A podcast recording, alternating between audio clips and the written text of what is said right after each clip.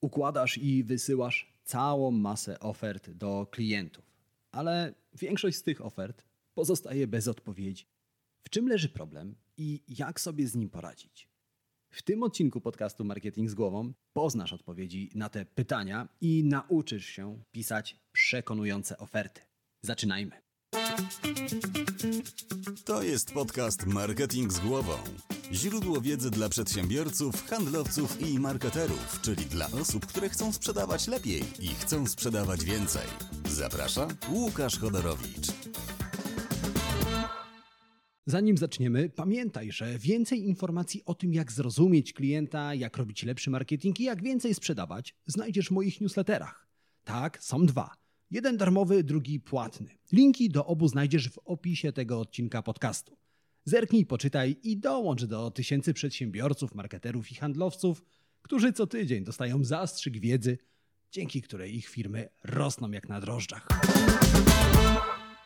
Witam Cię w 72. odcinku podcastu Marketing z Głową.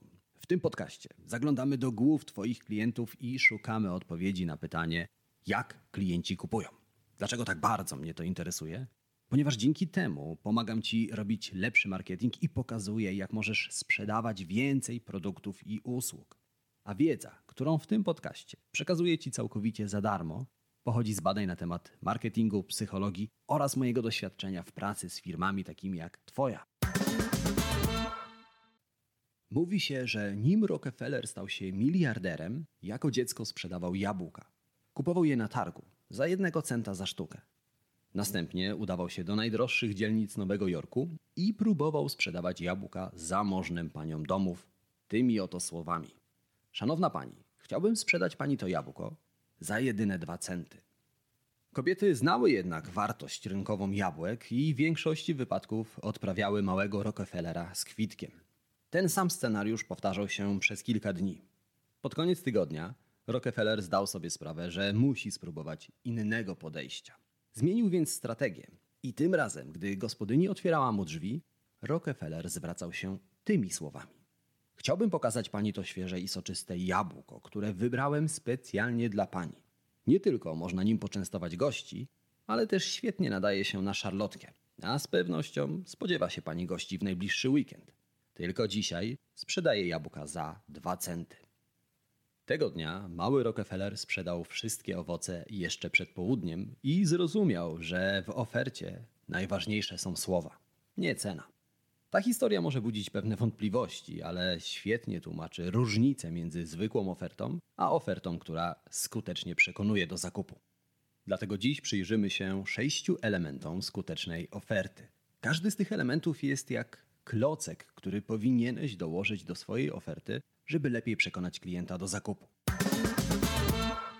Pierwszym i być może najważniejszym elementem jest oferta spersonalizowana. Najważniejszą rzeczą, którą powinieneś zająć się na początku, jest persona, czyli obraz klienta, do którego kierujesz ofertę. Jest to konkretna osoba, która ma określone potrzeby, a więc niekoniecznie typowy klient, do którego kierowana jest szeroko zakrojona kampania reklamowa. Zatrzymajmy się na moment przy potrzebach persony. Chociaż ta kwestia może wydawać się prosta, przekonasz się, że nie zawsze tak jest. Załóżmy, że dostałeś maila, w którym klient prosi cię o wycenę wykonania kuchni na wymiar. Taka wiadomość sygnalizuje dwa rodzaje potrzeb: oczywistą i głęboką. Klient potrzebuje mebli kuchennych. To potrzeba oczywista. Jednak pod nią skrywa się też inna potrzeba głęboka. I ta potrzeba jest dużo ważniejsza. Żeby odkryć potrzebę głęboką, musisz odpowiedzieć sobie na pytanie: dlaczego klient potrzebuje nowej kuchni. Być może wkrótce przeprowadza się do nowego domu albo uznał, że czas na remont starej kuchni. Odpowiedź na pytanie dlaczego narzuca dalszą narrację oferty i pomaga ustalić oczekiwania persony. Oczekiwania to wyobrażenie przez klienta konkretnej sceny z życia zaraz po tym, jak otrzyma Twój produkt. Kobieta prawdopodobnie widzi siebie w nowej kuchni i słyszy komplementy, które prawią jej nieco zazdrosne przyjaciółki. Mężczyzna może oczekiwać, że wreszcie nie będzie musiał co tydzień oliwić zacinających się szuflad. Oprócz oczekiwań i potrzeby, Persona ma jeszcze jedną warstwę. Nazwijmy ją punktem bólu. To inaczej problem, z którym klient do ciebie przychodzi. Jeśli szuka nowej kuchni, ponieważ stare meble się rozpadają, to z całą pewnością ma opory, aby zaprosić gości do mieszkania. Zatem punktem bólu jest wstyd. Teraz powinieneś przedstawić swój produkt jako lekarstwo na ten punkt bólu. Ważne, aby zrobić to w odpowiedni sposób, ale o tym za moment. Ostatnim elementem spersonalizowanej oferty jest język. Język, którego używa klient. Musisz go rozszyfrować i wykorzystać w ofercie. Jeżeli dostałeś zapytanie, które zaczyna się od słowa witam, to w ten sam sposób powinieneś rozpocząć ofertę. Nawet jeżeli masz alergię na to powitanie. Jeżeli klient chce kupić motocykl, ale pyta o motor, ty również mówisz o motorze. Dlaczego? Badania dowodzą, że powtarzanie słów klienta po prostu się opłaca. Na przykład kelnerki, które potwierdzały zamówienia, powtarzając słowami klientów to, co klient wcześniej zamówił, otrzymywały wyższe napiwki. Dlatego ty również powinieneś rozszyfrować język klienta i używać go w swojej ofercie. Ok, na tym etapie klocek spersonalizowanej oferty powinien być już na swoim miejscu. Jednak nawet najbardziej, najlepiej spersonalizowana oferta nie przekona klienta do zakupu, jeżeli klient zwątpi w Twoje kompetencje. Tym zajmiemy się w kolejnym kroku. Drugim elementem dobrej oferty jest wiarygodność. Zapewne znasz piosenkę Franka Sinatry New York, New York. W pewnym momencie artysta śpiewa If I can make it there,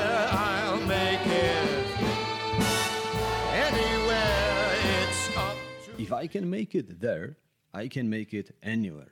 Czyli jeżeli udało mi się tam, uda mi się gdziekolwiek. Zaraz, zaraz. Być może pomyślisz, to miał być podcast o tworzeniu skutecznych ofert, a nie o lekcji muzyki. Już tłumaczę, dlaczego to takie ważne. We wspomnianym utworze Nowy Jork jest miejscem, które trudno zdobyć. Sinatra śpiewa więc, że teraz, kiedy udało mu się tego dokonać, może osiągnąć wszystko. Tak powstało określenie test Sinatry. Na tym etapie klient oczekuje zapewnienia, że Twój produkt, Twoja usługa spełni jego oczekiwania i pomoże mu rozwiązać nurtujący go problem. Pokaż wobec tego klientowi, że Ty również zdałeś test Sinatry i zdobyłeś Nowy Jork. Mówiąc inaczej, udowodnij klientowi, że Twój produkt, Twoja usługa, że Ty dokonałeś jednej dużej rzeczy, wobec tego jesteś w stanie dowieść wyników. Możesz na przykład udowodnić, że z Twojego produktu lub usługi skorzystał ktoś, kto cieszy się sporą reputacją. Oczywiście nie każdy jednak może pochwalić się na przykład współpracą z Marylą Rodowicz. Bez obaw. Jest na to rada. Nazywa się społeczny dowód słuszności. Jeżeli nie możesz dostarczyć jednego dużego dowodu potwierdzającego Twoją wiarygodność, dostarcz mniejszych dowodów, ale musisz dostarczyć ich więcej. Jeżeli potrafisz udowodnić klientowi, że z Twojego rozwiązania skorzystało już 100 osób, to również wstrzykniesz sporą dawkę wiarygodności do oferty. Ostatnim elementem wiarygodnej oferty są wady Twojego produktu. Tak, tak, dobrze słyszałeś. Wady. Badania dowodzą, że ludzie bardziej ufają produktom i markom, które nie są idealne. Nagrywałem nawet na ten temat oddzielny odcinek podcastu, do którego link znajdziesz w opisie tego odcinka. Dlatego, jeżeli wspomnisz o drobnej wadzie, o takiej wadzie, która tak naprawdę nie ma znaczenia dla Twojego klienta, to uwiarygodnisz swoją ofertę. Wróćmy na moment do naszego przykładu kuchni na wymiar. Mógłbyś na przykład napisać, że meble są bardzo ciężkie, ale dzięki temu solidne. A ponieważ transport jest w cenie usługi, to waga nie powinna być problemem. Rozumiesz już, co mam na myśli, prawda? Świetnie, bo zaraz przechodzimy do trzeciego elementu skutecznej oferty.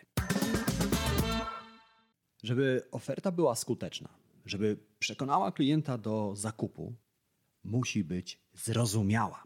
I to właśnie jest trzeci element skutecznej oferty. Wspomniałem już, że jeżeli używasz słów, którymi posługuje się klient, łatwiej nawiązujesz nić porozumienia. To jednak nie wszystko. Najczęściej adresatem Twojej oferty będzie ktoś, kto w przeciwieństwie do Ciebie nie ma pojęcia na temat Twojej branży. Wielu przedsiębiorców o tym zapomina. W efekcie tworzą oni oferty przesycone branżowym żargonem, który dla klienta jest równie niezrozumiały jak gaworzenie niemowlaka. Innymi słowy, autorzy ofert nie potrafią sobie wyobrazić, jak to jest nie wiedzieć tego, co sami wiedzą. Mówimy wtedy, że ulegli klątwie wiedzy.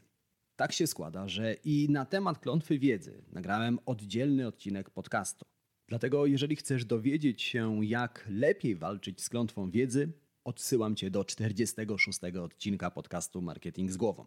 Link do tego odcinka znajdziesz również w przypisach do odcinka, którego właśnie słuchasz. Jednak, żeby teraz zobrazować Ci, jak działa klątwa wiedzy, zastanów się, co dzieje się w Twojej głowie, gdy słyszysz zdanie. Nasze produkty optymalizują procesy zarządzania systemami sprzedażowymi. Rozumiesz coś z tego? Bo ja nie. To właśnie przykład tekstu skażonego klątwą wiedzy. Nie da się z niego nic zrozumieć. Aby pozbyć się klątwy wiedzy, musisz zapomnieć o tym, co wiesz na temat swojego produktu, usługi i przyjąć perspektywę klienta. Zastanów się, co Twój klient wie, a czego nie wie, a następnie tak opisz swój produkt, żeby wszystko stało się zrozumiałe. Co oznacza, że produkt optymalizuje procesy zarządzania systemami sprzedażowymi? Czy nie lepiej napisać, że produkt pozwala przechowywać w komputerze historię wszystkich rozmów z klientami, dzięki czemu handlowiec zawsze może wrócić do wcześniejszych rozmów? Rozumiesz, co mam na myśli, prawda? Świetnie, bo przed nami czwarty element skutecznej oferty. Kolejnym klockiem, który musimy dołożyć do skutecznej oferty sprzedażowej jest konkret. Twoja oferta musi być konkretna. Teraz zastanów się, czego ty oczekujesz od klienta. Zaakceptowania oferty w ciągu 7 dni, telefonu przed upływem terminy, a może dodatkowych informacji potrzebnych do wyceny. Oferta bez takiego jasnego wezwania do akcji najpewniej wyląduje w koszu. Przypomnij sobie hasła z tych reklam telezakupów. Zadzwoń teraz, zamów dziś, wykręć numer. Nie namawiam cię, byś był równie nachalny, bo to może wywołać odwrotny efekt. Ale jasne i konkretne określenie kolejnego kroku jest równie ważne jak umieszczenie ceny w ofercie. Zanim jednak przejdziemy do tego ostatniego, najmniej przyjemnego elementu, przynajmniej dla klienta, jest jeszcze jedna ważna rzecz. Skuteczna oferta to taka, którą klient zapamięta i która wyróżni się na tle pozostałych. Naiwne byłoby wierzyć, że jesteś jedyną osobą, do której klient wysłał zapytanie. Dlatego skuteczna oferta musi zapadać w pamięć. Musi być zapamiętywalna. Co zatem zapamiętujemy najlepiej? Początek i koniec. Początek i koniec jakiegokolwiek wydarzenia i początek i koniec oferty. Są na to badania, ale ponieważ dotyczą kolonoskopii, oszczędzę Ci szczegółów. Natomiast link do tych badań znajdziesz w opisie tego odcinka podcastu. W każdym razie chcę, żebyś wiedział, że koniec oferty to najlepsze miejsce, aby dodać do niej coś, co klient zapamięta. Coś, co klienta zaskoczy. Steve Jobs kończył każdą prezentację produktu Apple'a słowami One more thing czyli jest jeszcze coś. A potem zrzucał na widownię bombę, bo właśnie na koniec prezentacji zostawiał sobie najbardziej nieoczekiwane i zaskakujące fakty na temat nowego produktu. Gdy Jobs prezentował nowy model iPhone'a, rozpływał się nad jego funkcjami, nad jego designem, nad jego konstrukcją. Ale na koniec dodawał: To nie wszystko bo przez ostatni rok pracowaliśmy nad nową wersją oprogramowania dla iPhone'a. Za każdym razem to, co pojawiało się po One More Thing, wykraczało poza standardowe oczekiwania klientów. Twoje zadanie w tym miejscu oferty to również zrzucić bombę. Jeszcze jedną rzecz. Pokaż, że dostarczasz więcej niż klient oczekuje. Dzięki temu klient nie tylko lepiej zapamięta Twoją ofertę, ale też łatwiej przełknie to, co zaserwujesz mu za moment. Nawet jeżeli Twoja oferta będzie spersonalizowana, wiarygodna, zrozumiała, konkretna i zapamiętywalna, ale klient jej nie zaakceptuje, ponieważ uzna, że cena jest zbyt wysoka, to niestety masz problem. Wobec tego, jak zadbać o ostatni element skutecznej oferty sprzedażowej i jak sprawić, żeby taka oferta była akceptowalna? Po pierwsze, musisz zdać sobie sprawę z kilku kwestii na temat cen. Po pierwsze, cena w ofercie nigdy nie powinna występować jako kwota oderwana od całości. Ludzie słabo szacują wartość produktów, jeśli nie mają jej do czego porównać. Oczywistym pytaniem, które pojawi się w głowie klienta jest, czy ta oferta jest droga. Jeżeli zaserwujesz mu cenę, której nie będzie umiał porównać do czegokolwiek, odpowie sobie tak, ta oferta jest droga. Dlatego w ofercie musisz dać klientowi punkt odniesienia dla ceny, tak zwaną kotwicę. Po drugie, powinieneś wiedzieć, w jaki sposób Twój klient mierzy jakość albo wydajność Twojego produktu. Jeżeli sprzedajesz dyski twarde, to dla wielu klientów miarą będzie pojemność dysku. Z kolei, jeżeli sprzedajesz aparaty fotograficzne, to dla większości klientów miarą jakości będzie liczba megapikseli w aparacie. W przypadku mebli kuchennych miarą może być okres gwarancji. Tu chodzi o to, żebyś znalazł tę jednostkę, która stanie się kotwicą. Następnie połączysz ją z ceną. Załóżmy, że meble kosztują 10 tysięcy złotych. Cena wydaje się dość wysoka, ale na meble udzielasz 15 lat gwarancji. W tym czasie każda naprawa lub wymiana zużytej części będzie za darmo. Klient nie musi się o nic troszczyć. To zaledwie 667 zł za każdy rok bez zmartwień. Spójrz, ta kwota wygląda znacznie lepiej. Zobaczmy jednak, czy możemy ją zestawić z czymś jeszcze. Im starsza kuchnia, tym gorzej klient się w niej czuje i tym częściej jada na mieście. Gdyby miał nową kuchnię, chętniej gotowałby w domu.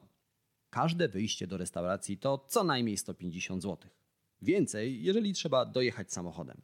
Wobec tego zaokrąglimy tą kwotę do 200 zł. Cztery wypady do restauracji w miesiącu to aż 800 zł. Okazuje się zatem, że nowa kuchnia to nie tylko inwestycja w spokój, ale również oszczędność.